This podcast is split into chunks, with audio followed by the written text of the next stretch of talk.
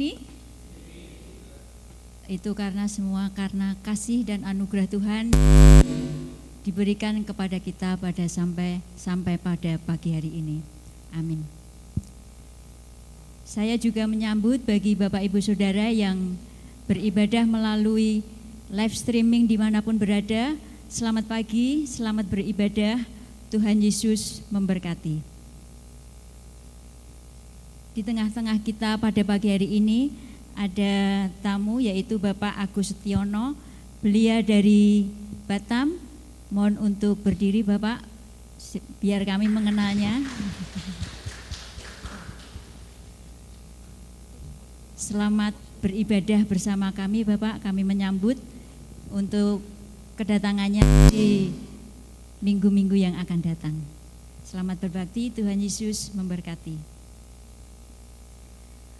Baik, saya akan membacakan warta gereja yang sudah tersedia di dalam buletin pada pagi hari ini. Silakan Bapak Ibu Saudara untuk bisa menyikmat, menyimaknya. Tugas pelayanan minggu depan sudah tersedia sudah tersedia di buletin pada pagi hari ini. Mohon Bapak Ibu Saudara yang sudah terjadwalkan untuk dapat memperhatikan hari kegiatan dan jamnya. Selamat melayani Tuhan Yesus memberkati. Sekolah Minggu kelas pra Indria dan Madya Komsel Dewasa diadakan setiap hari Minggu jam 7.30 di kelas masing-masing. Dan kelas OKB Orang Kristen Baru jam 8 di kantor gereja. Sekolah Injil Liburan GBI Candi diadakan pada hari Senin sampai dengan Rabu tanggal 26 sampai dengan 28 Juni 2023. Kelas Indria dimulai pada pukul 7.45 sampai dengan pukul 10. Kelas Pratama dan Madya dimulai pada pukul 7.45 sampai dengan pukul 11. Silahkan mendaftar melalui link atau guru sekolah minggu atau ketua sekolah minggu Saudari Putri mohon dukungan dari jemaat untuk sil, doa dan tenaga dan dana. Persekutuan PBI GGBI BPD Jateng Bakut Trayon Selatan diadakan pada hari Senin 26 Juni 2023 jam 18.30 di GBI Karanggeneng, Jalan Wuryanto, RT 1 RW 1 Sumurejo, Gunung Pati. Kontribusi 10.000 tiap orang, segenap kaum pria diundang hadir telah dibuka pendaftaran untuk murid baru untuk PAUD, TK, dan SD Kristen Immanuel. Silahkan langsung datang ke kantor sekolah atau menghubungi Ibu Lasiah atau Ibu Ajeng atau ke nomor telepon 024 850 5843. Gereja Baptis Indonesia Candi mengucapkan selamat ulang tahun tanggal 18 Juni Saudari Teresia Kristiana Wardiastuti tanggal 19 Juni Ibu Sri Suparmi Budi tanggal 21 Juni Saudari Eli Juwita Sari Halawa 23 Juni Saudara Yosua Ben Ben Gurion Wibowo kiranya kasih karunia dan damai sejahtera Allah di dalam Tuhan Yesus Kristus melimpah senantiasa bagi Bapak Ibu Saudara yang berulang tahun pada minggu ini.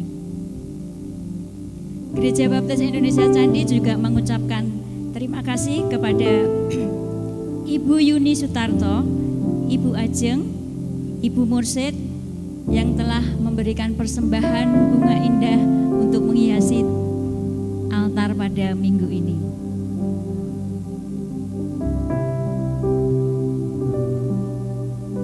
Silakan Bapak Ibu Saudara membawa pulang buletin ini karena dalam buletin ini ada jadwal pembacaan Alkitab dalam sepekan.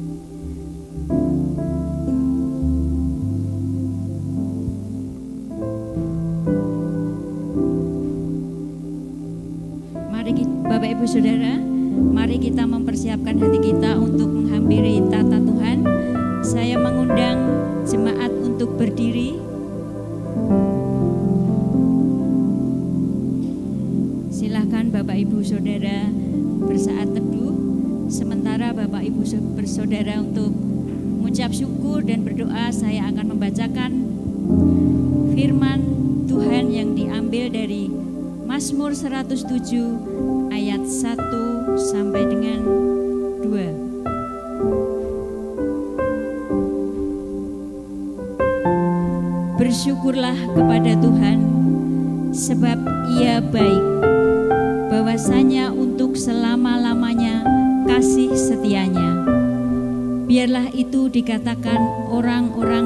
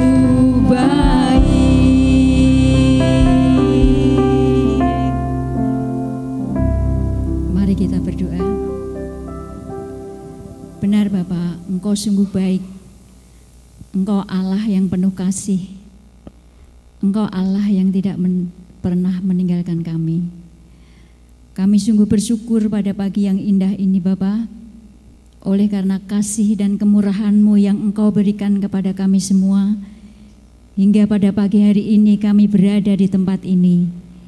Ini bukan suatu kebetulan, tapi ini adalah rencana Tuhan rencana yang Engkau berikan kepada kami semua ya Bapa, untuk kami dapat beribadah, memuji, menyembah, dan memuliakan namamu dalam ibadah pada pagi hari ini. Bapa di dalam surga, terlebih dahulu ampuni atas segala dosa-dosa kami Bapa. baik yang kami lakukan dengan pikiran kami, perkataan, dan tingkah laku kami. Ampuni ya Bapa, hingga kami layak untuk mengikuti ibadah pada pagi hari ini. Bapa di dalam kerajaan surga, kami juga berdoa bagi saudara-saudara kami yang pada pagi hari ini ikut ambil bagian dalam pelayanan ibadah, baik itu penyambut tamu, tim sound system, tim multimedia, tim musik, singer atau WL, urapi dengan roh kudusmu Bapa, hingga pelayanan ini berkenan dan menyenangkan hatimu. Bapa di surga, kami juga berdoa untuk hambamu Bapak Eko Kurniadi MTH yang akan menyampaikan kebenaran firman-Mu. Urapi hambamu dengan roh kudusmu Bapa, terus pakai hambamu menjadi saluran berkat bagi kami semua yang mendengarkan firman-Mu pada pagi hari ini, hingga kami berani untuk menjadi saksimu, berani untuk mewartakan firman Tuhan, kabar keselamatan ini kepada orang-orang di sekitar kita yang belum percaya kepada Engkau dan belum kenal akan kasih-Mu. Bapa di surga, kami serahkan ibadah pada pagi hari ini dari awal, pertengahan hingga akhir hanya di dalam tangan kasih kuasamu. Hanya di dalam nama Tuhan Yesus kami sudah berdoa dan mengucap syukur. Amin. Jemaat masih dipersilakan untuk berdiri. Tema gereja pada pagi pada bulan ini adalah keluarkanlah yang terbaik dari perbendaraan hatimu yang baik diambil dari Matius 12 ayat 35. Mari Bapak Ibu Saudara kita akan menaikkan pujian. Tema kita pada bulan ini adalah Ku ingin hati yang suci murni diambil dari buku nyanyian pujian nomor 204.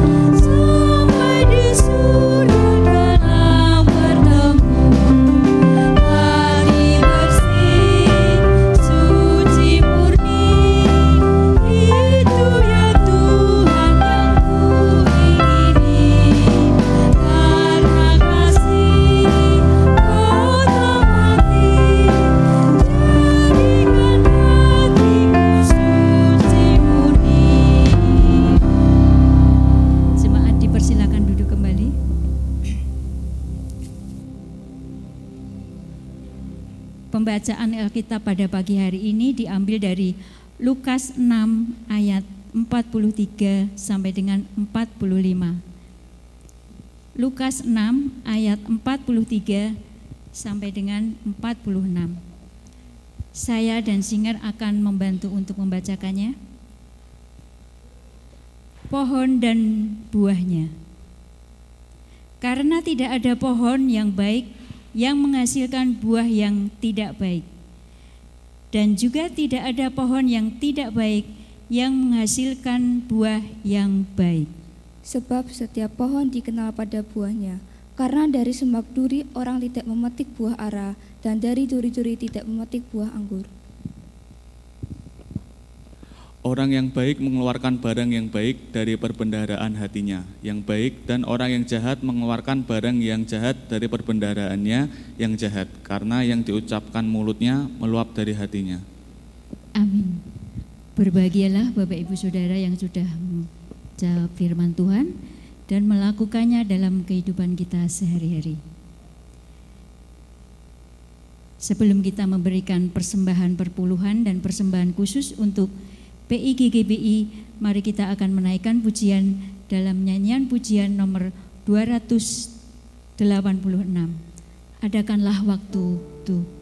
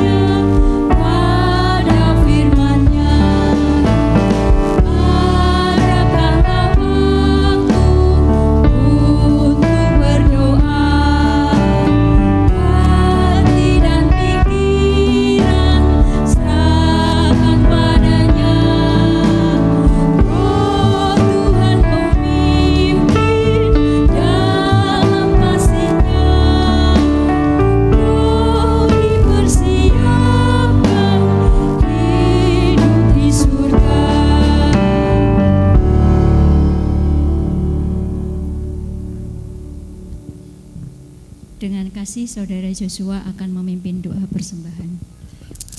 Marilah kita berdoa. Ya Tuhan terima kasih sekarang Engkau sudah membuka kami pada pagi hari ini untuk memuji dan memuliakan namamu.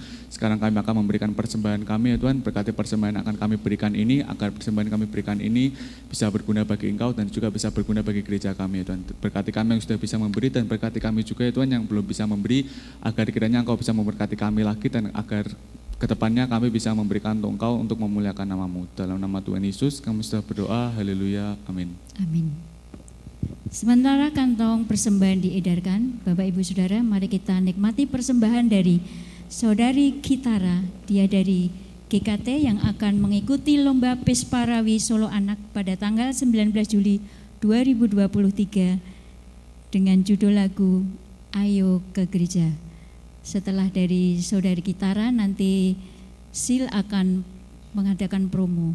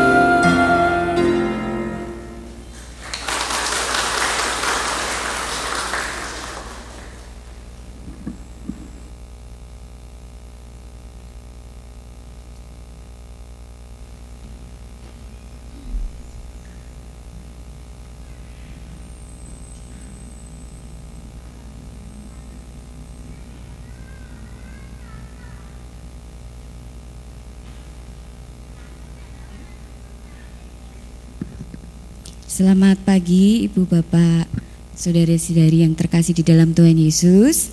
Shalom. Uh, kami dari sekolah minggu sudah menghitung hari ya tinggal seminggu lagi. Jadi H-7. Uh, sekolah minggu ada sekolah Injil liburan dengan tema Galilah kebenaran dan temukan Yesus. Diambil dari Yeremia 29 ayat 13. Uh, kali ini Anak-anak akan menampilkan lagu tema yang berjudul Gali dan Temukan. Untuk uh, Bapak Ibu kami mohon dukungan doa terutama dukungan tenaga dan juga untuk dananya. Terima kasih.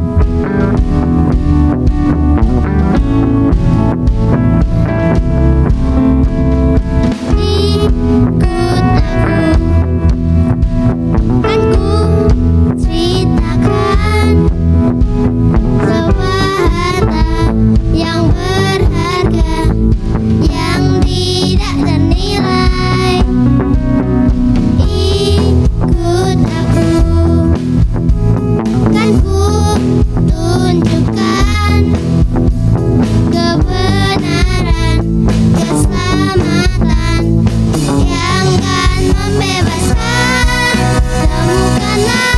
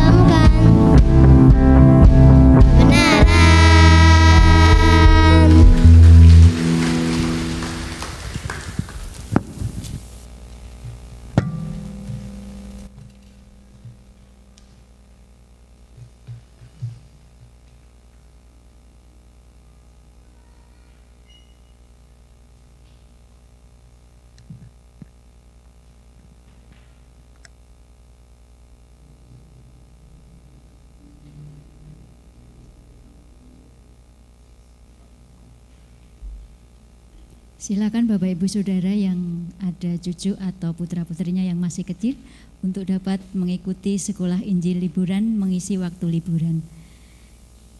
Bapak Ibu Saudara terimalah persembahan dari paduan suara gereja GBI Candi yang akan membawakan lagu Jalan Tuhan. Dipersilakan.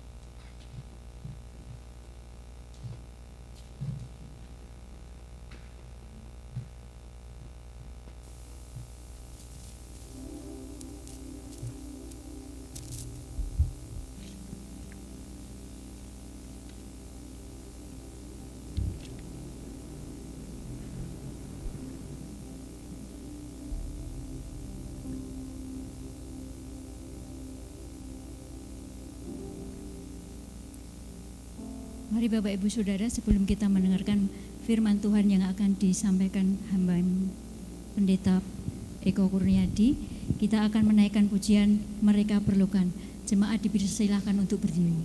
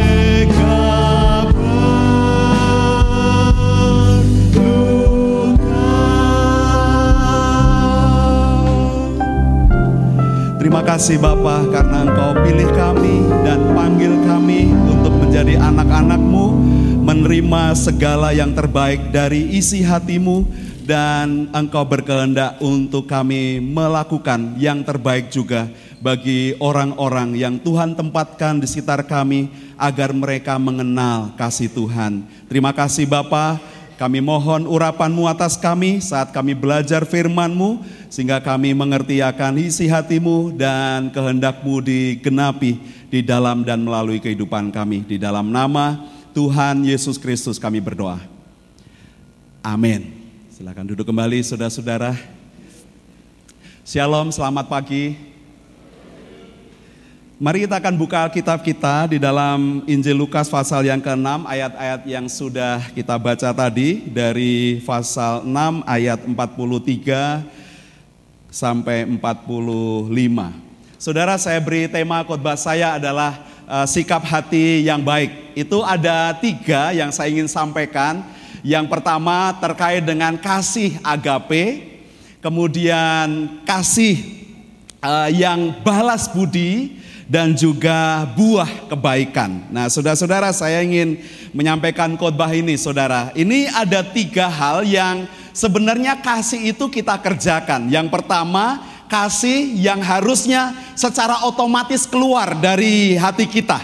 Segala yang baik itu harus kita lakukan untuk semua orang. Jadi bagian yang kasih agape ini sebenarnya kasih untuk semua orang. Kasih yang secara otomatis harus kita lakukan, keluarkan dari hati kita yang baik. Lalu kasih balas budi itu adalah kasih yang kita kerjakan untuk orang-orang yang mengasihi kita, saudara-saudara. Jadi kita memberi, membalas kasih karena orang-orang yang mengasihi kita. Kita melakukan pekerjaan-pekerjaan kasih yang keluar dari hati kita karena orang baik kepada kita. Dan ini yang harusnya secara wajar juga keluar dari hati kita. Lalu bagian yang ketiga, buah kebaikan itu bicara tentang kasih yang tetap dikeluarkan meskipun orang berbuat jahat kepada Anda. Jadi ini membalas kejahatan dengan kebaikan. Nah saudara, tiga kelompok orang ini harusnya menjadi cara baik kita untuk mengeluarkan buah yang terbaik dari hati kita yang baik. Nah mari kita akan perhatikan ayat yang ke-45 saudara-saudara. Saya baca untuk Anda. Orang yang baik mengeluarkan barang yang baik dari perbendaraan hatinya yang baik. Dan orang yang jahat mengeluarkan barang yang jahat dari perbendaraannya yang jahat. Karena yang diucapkan mulutnya meluap dari hatinya. Saudara bagian yang penting bagi kita ada tiga hal ini yang kita perlu tahu bahwa kita harus melakukan kasih agape. Memang di dalam kekristenan saudara-saudara kasih itu ada empat jenis. Tapi kalau kita sudah melakukan kasih agape, itu berarti kita sudah melakukan empat jenis semua kasih itu saudara-saudara. Dan kasih agape itu harus ada, harus kita tiru dalam kehidupan kita. Kasih agape itu disebutkan sebagai orang yang baik, saudara-saudara. Orang yang baik akan mengeluarkan barang-barang yang baik dari perbendaraan hatinya yang baik. Jadi kalau Anda memperhatikan dalam Injil Lukas ini dia menuliskan, dia membuat perbandingan seorang yang baik itu bisa dilihat dari karakteristiknya, sifatnya kita melihat dibandingkan dengan pohon yang baik. Saudara perhatikan ayat 43. Tidak ada pohon yang baik yang menghasilkan buah yang tidak baik. Saudara ini uh, bukan hanya sekedar uh, pernyataan, tetapi ini adalah identifikasi orang-orang yang percaya Tuhan dibandingkan dengan pohon yang baik. Ayat 43 mengatakan tidak ada pohon yang baik mengeluarkan buah yang tidak baik. Disebutkan dalam ayat 45, orang yang baik pasti mengeluarkan buah yang baik. Nah, mari kita akan lihat tiga hal ini saudara-saudara. Yang pertama, kasih agape. Kasih agape adalah kasih yang dilakukan tanpa pamrih. Nah, kita tahu saudara-saudara kasih ini adalah kasih dari Tuhan. Kasih yang dikerjakan oleh Tuhan. Kasih yang murni, kasih yang sempurna, tanpa pamrih, tanpa balasan, tanpa syarat saudara-saudara, dia rela berkorban dan dia konsisten mengeluarkan yang terbaik dari hatinya. Kasih yang agape itu harus ditiru dalam kehidupan orang percaya karena pohon yang baik akan mengeluarkan buah yang baik. Pohon yang baik tidak akan mengeluarkan buah yang tidak baik. Semua pohon yang baik akan mengeluarkan buah yang baik. Nah, anehnya pernyataan ini disebutkan dengan kata secara negasi, negatif dengan kata tidak. Pohon yang baik tidak akan mengeluarkan buah yang tidak baik. Nah, saudara-saudara ini uh, luar biasa. Dan di dalam pohon yang baik, saudara tidak akan menemukan buah yang tidak baik. Ini bukan hanya sekedar pernyataan, saya bilang tadi, ini benar-benar ingin membandingkan orang-orang percaya setiap kita harus mengerjakan kasih yang agape. Nah, Saudara, mari kita akan lihat bahwa kasih yang agape adalah kasih orang yang baik, Saudara-saudara. Kasih orang yang baik hatinya tidak ada sedikit pun tipu daya. Hati orang yang baik tidak ada manipulasi.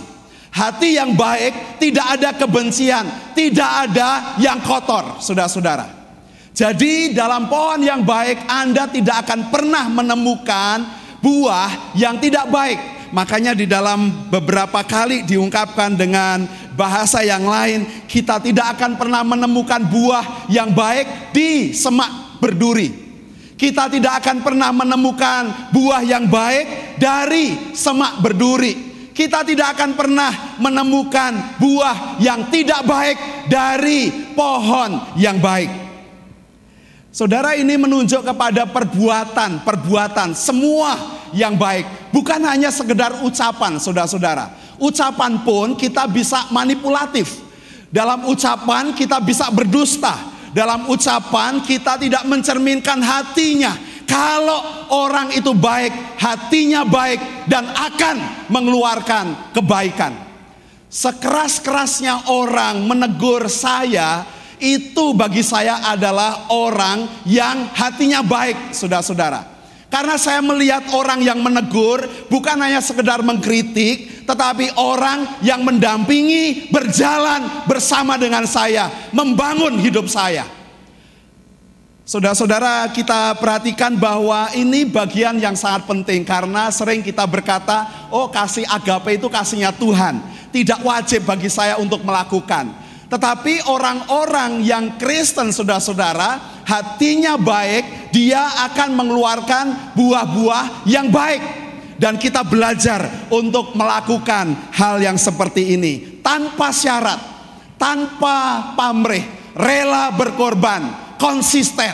Saudara-saudara, kalau kita mengerjakan ini dalam kehidupan kita, maka kita bisa mencerminkan kasih kasih agape yang benar-benar dirasakan dalam kehidupan kita. Harusnya ini menjadi goal dari setiap kita. Kalau kita masih pertanyaan tentang oh rela berkorban enggak sih? Oh masih gimana balasannya, bagaimana responnya? Kita masih gagal untuk melakukan kasih yang agape.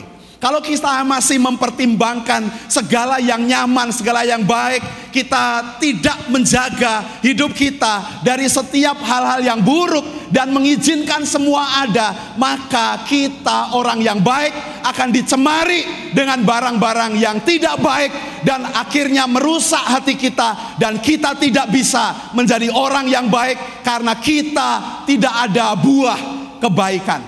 Saudara yang kedua, yang kedua, kasih itu dilakukan terhadap semua orang, bahkan sebenarnya ini orang-orang yang layak menerima kasih kita. Nah, kita perlu tahu ini ya, karena kebanyakan kita tidak balance. Kita mengasihi orang yang mengasihi kita, tetapi kita tidak mengasihi musuh yang Tuhan minta untuk kita kasihi. Nah, makanya bagian yang pertama ini, yang kedua, bagian yang kedua, kasih itu dilakukan terhadap orang yang layak untuk menerima kasih. Nah, saudara, ada dua hal di dalam ayat-ayat ini nanti saudara akan baca di pasal 6 ini, saudara akan menemukan sekurangnya ada dua yang saya sampaikan dalam bagian yang kedua ini adalah keluarkan yang terbaik, saudara-saudara. Keluarkan yang terbaik, karena pohon yang baik akan mengeluarkan buah yang baik. Orang Kristen yang baik akan mengeluarkan buah yang baik. Nah, itu kan bisa dinilai, bisa dilihat. Nah misalnya kalau saya pendeta saudara-saudara saya menilai kerohanian anggota gerejaku Saya menilai kesetiaannya, saya menilai ucapannya, saya menilai pola pikirnya Saya menjagai hati saya untuk tetap baik Waktu saya memberi penilaian, saya tetap menjaga hati saya supaya tidak dikotori dengan kekecewaan yang mungkin timbul, dengan kepahitan atau sakit hati yang mungkin ditimbulkan dan menyebabkan kita males untuk melihat apa yang dilakukan oleh orang-orang yang saya lihat dan saya harus menjaga hati saya supaya hati saya dijaga dengan segala kewaspadaan. Amsal 4 mengatakan jagalah hatimu dengan segala kewaspadaan karena dari dalamnya timbul terpancar kehidupan. Saudara saya juga harus menjaga hati saya saya tidak hanya sekedar mengeluarkan buah-buah yang baik, tetapi waktu saya menjaga hati saya, itu juga saya mengeluarkan buah yang baik untuk menjaga hati saya, agar hati saya tidak dicemari dengan segala yang kotor. Kalau saudara pernah mendengarkan mungkin statement saya, khotbah saya, saya bilang silahkan cerita apa saja. Setelah cerita kita potong stop, selesai. Tidak perlu ngomongin yang lalu-lalu ya. Tidak perlu ngomongin yang jelek-jelek yang lalu-lalu. Yang stop dan kemudian move on, bergerak lebih baju, lebih ma baik, lebih maju dalam terang kasih Tuhan. Saudara-saudara keluarkan yang baik. Nah kalau Anda membaca dalam pasal yang keenam ini dikatakan kalau kita mengasihi keluarkanlah buah itu. Yesus berkata, kasihilah musuhmu. Berbuatlah apa yang baik kepada semua orang. Keluarkan yang terbaik. Yang kedua saudara-saudara adalah balas budi. Ini orang yang layak menerima kasih kita. Balas budi jarang dibahas saudara-saudara. Tapi Alkitab mengajar saudara-saudara. Alkitab mengajar tentang kebaikan yang perlu dilakukan. Harus dilakukan untuk orang-orang yang layak menerima perbuatan baik kita. Saudara ini yang contoh yang kedua adalah balas budi. Nah ada sebuah riset saudara-saudara bagi anak-anak dendam itu terjadi secara otomatis. Dendam itu terjadi secara otomatis, nggak perlu latihan, mereka bisa, saudara-saudara. Tetapi untuk membalas budi, mereka ini perlu dilatih. Nah itu sebuah penelitian ngomongin gitu. Jadi pada umumnya saudara-saudara, yang jelek, yang buruk, nggak usah latihan. Tahu-tahu bisa, saudara-saudara. Anak-anak kita untuk nyimpen dendam, kepahitan, sakit hati itu tidak perlu latihan, saudara-saudara. Otomatis mereka bisa.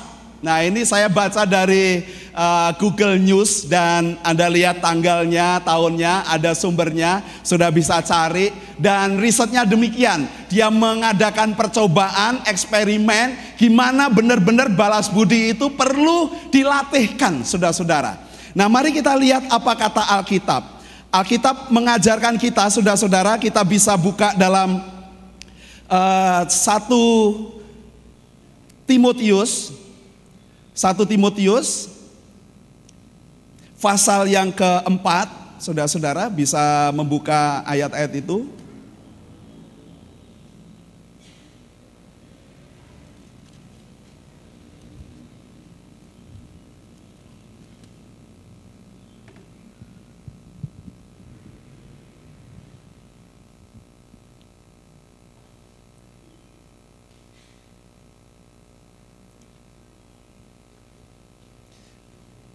Oh, pasal 5 ya, ayat yang 4. Oh, saya saya tulis di sini. Pasal 5 ayat yang keempat. Saya baca untuk Anda.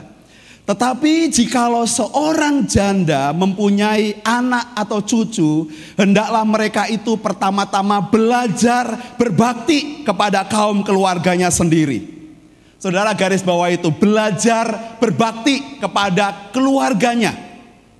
Mereka anak-anak orang-orang dalam keluarga kita perlu belajar, perlu dilatih, belajar berbakti kepada kaum keluarganya. Perlu diajarkan Jangan dibiarkan, perlu diajarkan. Nah, ini pengajaran itu beda dengan nuntut ya.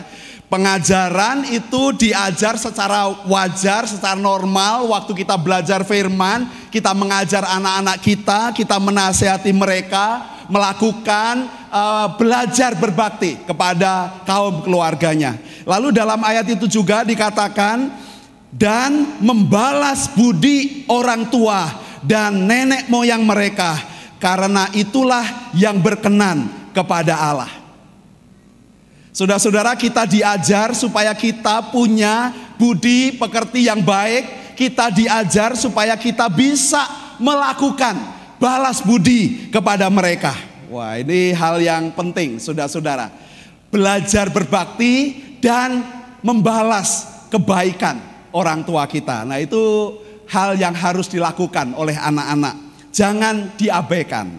Nah, yang ketiga, saudara-saudara, yang harus dikerjakan oleh kita adalah kasih yang dilakukan kepada orang-orang yang tidak layak menerima kasih. Siapa orang-orang yang tidak layak menerima kasih? Mungkin itu adalah orang yang berdosa kepada Anda. Mungkin mereka adalah orang yang menyakiti Anda orang yang mengecewakan Anda setelah Anda punya usaha besar untuk mengasihi mereka dan mereka tidak membalas kebaikan Anda dan itu Anda anggap orang-orang yang tidak layak menerima kasih Anda. Orang-orang yang sudah menyakiti Anda mungkin itu ada dalam kamus kita orang-orang yang tidak layak untuk mengasihi untuk kita kasihi. Musuh kita, orang yang kita anggap tidak layak untuk menerima kasih kita, orang yang banyak kritik kita, mungkin itu adalah orang yang tidak layak untuk mendapatkan kasih Anda, saudara-saudara. Nah, tetapi Alkitab mengajarkan kita harus tetap mengeluarkan buah yang baik, saudara-saudara. Keluarkanlah buah yang baik, lakukanlah kasih sekalipun mereka tidak layak untuk mendapatkan kasih Anda. Setidaknya senyum aja saudara ya. Kalau mungkin Anda dibenci orang, Anda tidak senang dengan orang, ya setidaknya ya uh, lihat tatap matanya, kemudian menyapa dia, setidaknya demikian ya. Bahkan ada banyak orang sampai senyum pun Anda merasa orangnya tidak layak menerima senyuman Anda, tidak men layak menerima sapaan Anda. Ya, banyak orang yang demikian. Makanya Alkitab mengajar pada kita dalam ayat yang ke-27 dikatakan, "Kasihilah musuhmu, berbuatlah baik kepada orang yang membenci kamu." Dalam Roma pasal yang ke-12, silakan membuka Roma pasal yang ke-12 ayat yang ke-21.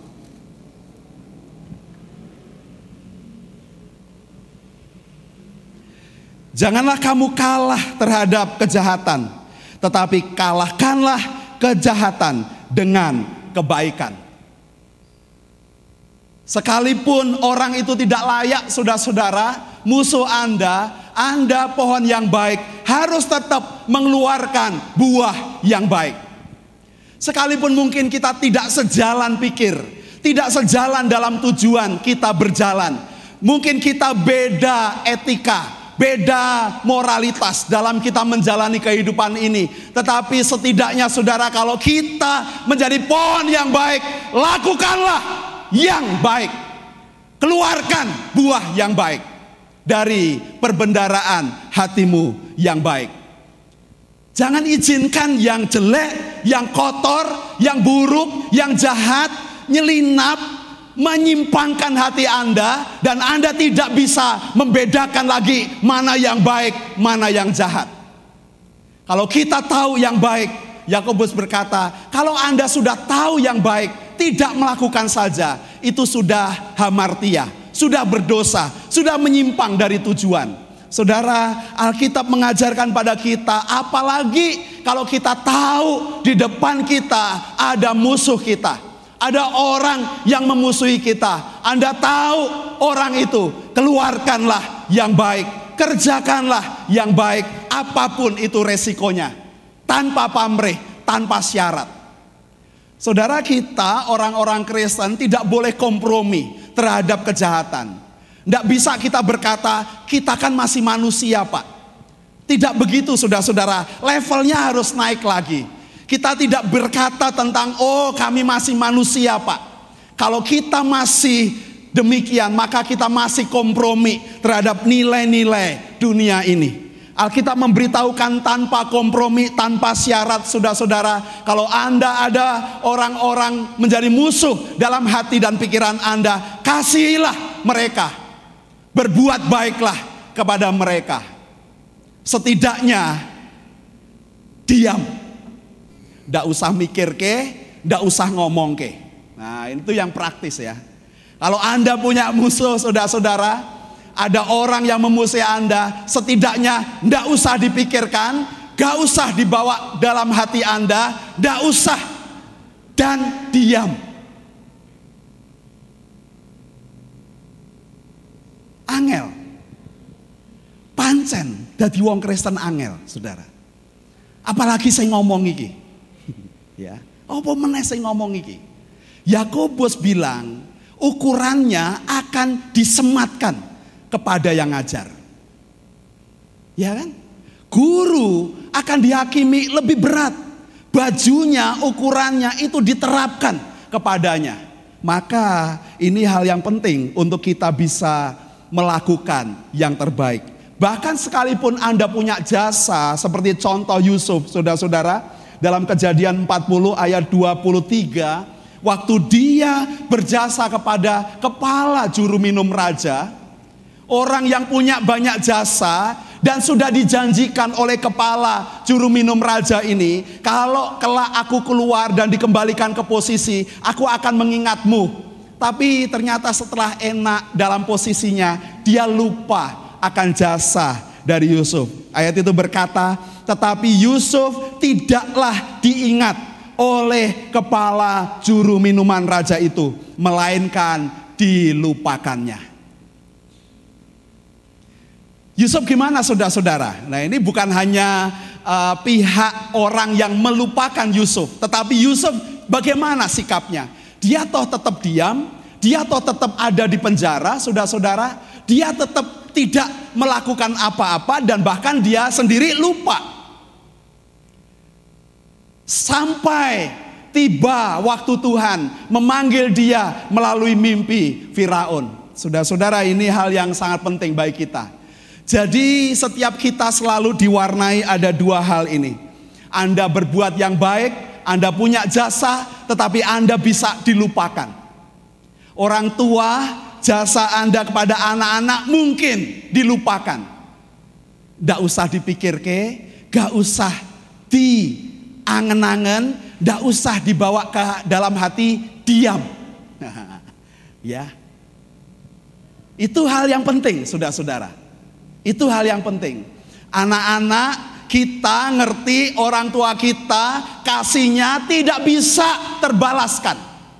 Sekalipun Anda berbuat kebaikan-kebaikan, selalu kebaikan dan menghabiskan energi resource Anda, Anda tidak bisa membalas kebaikannya orang tua. Aku nggak bisa balas kebaikan orang tua. Sekalipun berusaha melakukannya, tidak bisa membalas kebaikannya mereka. Orang-orang tua saudara-saudara adalah contoh dari orang-orang yang selalu mengeluarkan yang terbaik, ngutama ke anaknya, memberkati mereka, melakukan yang terbaik, dan mereka mencari hartanya dan memberi warisan kepada anak-anaknya. Mereka mengerjakan dengan luar biasa, dan tidak pernah ada anak yang beri warisan kepada orang tuanya. Ya. Kasih mereka tidak terbalaskan, saudara-saudara. Sekalipun anak-anak sudah nyimpen kepahitan, dendam, sakit hati itu gak perlu latihan. Gak perlu latihan. Ujuk-ujuk pinter. Tiba-tiba bisa. Luar biasa. jahate, ngungkuli mungkin penjahat-penjahat itu, saudara-saudara. Kalau kita tahu yang baik, saudara-saudara, kita harus mengerjakannya. Saudara, apa yang harus kita lakukan dalam kehidupan kita? Supaya kita dua-duanya ini bisa mengerjakan yang baik. Nah, saya ingin mengutip dalam Ibrani pasal yang ke-13 sebagai ayat yang terakhir. Ibrani pasal yang ke-13. Ini contoh kepada hamba-hamba Tuhan, saudara-saudara. Ibrani pasal yang ke-13 ayat yang ke-18. Berdoalah terus untuk kami, sebab kami yakin bahwa hati nurani kami adalah baik, karena di dalam segala hal kami menginginkan suatu hidup yang baik. Nah, apakah kita mau mendoakan hati kita, setiap kita, anak-anak, orang tua, pemuda, siapa pun Anda? Perlu hati ini perlu didoakan, dilatih saudara-saudara. Kalau untuk yang baik itu perlu dilatih. Gak ada yang bisa otomatis. Perlu dilatih. Setiap kita mendisiplin. Kita mengerjakan semua yang baik karena orang yang baik akan mengeluarkan buah yang baik. Orang yang baik mengeluarkan barang-barang yang baik karena dia memiliki hati yang baik. Amin. Mari kita berdoa.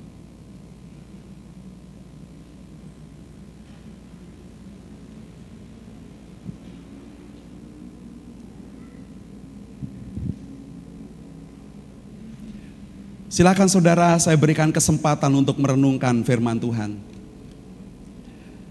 Pohon yang baik akan mengeluarkan buah, barang yang baik dari perbendaraan hatinya yang baik.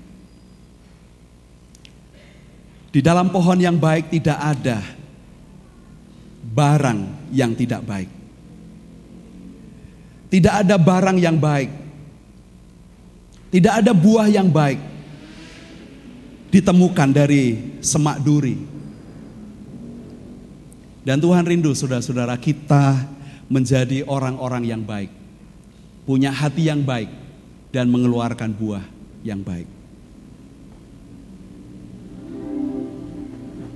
Mari kita akan berdiri bersama-sama, kita akan berdoa bersyukur untuk firman Tuhan, berdoa syafaat dan menutup dengan doa berkat. Tuhan, terima kasih untuk setiap firman-Mu. Biarlah kami menjadi seperti yang Tuhan kehendaki. Biarlah kami punya ukuran adalah Tuhan. Kami tidak mengukur batas kemampuan kami. Kami tidak mengukurkan kerohanian kami dengan orang-orang yang rohani di sekitar kami kami tidak mengukur kehidupan kami dengan orang-orang yang baik ataupun yang buruk yang ada di sekitar kami. Tetapi biarlah kami berkaca, bercermin kepada Tuhan. Seperti yang Tuhan kehendaki. Kami tahu tidaklah mudah untuk memiliki kasih yang seperti Tuhan kehendaki. Kami melakukan kasih tanpa pamrih, tanpa syarat, kasih yang sempurna, kasih yang murni, tanpa manipulasi, kasih yang tidak pura-pura, kasih yang rela berkorban, kasih yang menuntut bahkan mungkin jiwa, nyawa, kenyamanan kami, kasih yang tanpa balas tanpa batas. Bahkan kepada musuh-musuh kami, firman-Mu memerintahkan kami untuk mengeluarkan yang baik. Ajarlah kami seperti firman-Mu dan berpengalaman dengan firman-Mu. Terima kasih Tuhan. Kami sebagai jemaat-Mu bersyafaat untuk bangsa kami. Kami berdoa supaya pemimpin kami, presiden, wakil presiden, Kabinet Indonesia Maju dan seluruh pemerintahan dari provinsi, kabupaten, kota madya, kecamatan, kelurahan, desa dipakai oleh Tuhan untuk memberi peluang kesejahteraan bagi rakyat Indonesia. Berikanlah itu Tuhan, hikmat bijaksana untuk mereka. Mereka bisa menjadi berkat bagi bangsa ini dan membuat keputusan dan kebijakan yang terbaik untuk kemajuan bangsa kami. Dan kami rindu melalui pemerintahan kami, bangsa kami, perdamaian dunia dapat dikerjakan. Perdamaian di dalam negeri dengan kelompok bersenjata di Papua diredakan. Tuhan limpahkan kasih yang berlimpah-limpah bagi pemimpin-pemimpin kami. Juga pemimpin-pemimpin bangsa-bangsa, terutama Ukraina dan Rusia. Berkatilah, diberkati sehingga sungguh kami bisa membawa api pendamaian itu kepada mereka. Dan kami mohon Tuhan, berkatilah gereja kami, persekutuan kami, supaya persekutuan kami juga semakin kokoh. Kami bisa menyimpan semua barang-barang yang baik. Buah-buah yang baik kemudian akan keluar dari gereja kami, dari persekutuan kami. Dan ajarlah kami untuk menjadi anak-anakmu yang setia. Terima kasih Tuhan, terima kasih inilah doa dan permohonan kami supaya gereja kami melalui pelayanan misi dan diakonia, melalui pelayanan sekolah, melalui pelayanan compassion PPA kami sungguh menjadi kesaksian dan mengerjakan kehendak Tuhan di dalam gereja ini dan nama Tuhan dipermuliakan. Terima kasih Bapa. Kami menyerahkan doa syafaat ini ke tangan kuasamu di dalam nama Tuhan Yesus Kristus kami berdoa. Jemaat Tuhan pulanglah Bawalah berkat dan kasih sayang dari Bapa di dalam Tuhan Yesus Kristus dan Roh Kudus dengarkanlah dia. Maka dia memberitahukan jalan-jalannya kepadamu sehingga engkau diberkati. Diberkati dengan kasih dan sukacita. Kebajikan dan kemurahan Tuhan akan mengikutimu ke mana pun kau pergi. Engkau akan diberkati dengan kesehatan. Dijauhkan dari segala macam penyakit dan bahaya. Dia akan memberkatimu dengan anak-anak dan keturunanmu akan menjadi berkat bagi bangsa-bangsa. Dia akan memberkatimu segala hal yang engkau kerjakan. Dia melimpahkan dan memelihara kehidupanmu dengan rezeki yang melimpah. Dia akan memberkatimu tangan-tangan yang sedang bekerja.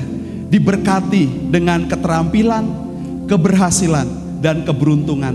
Dan saksikanlah pada orang lain apa yang sudah Bapamu perbuat dalam kehidupanmu sehingga orang melihat perbuatan Bapamu yang baik dan menyembah Bapamu yang di sorga.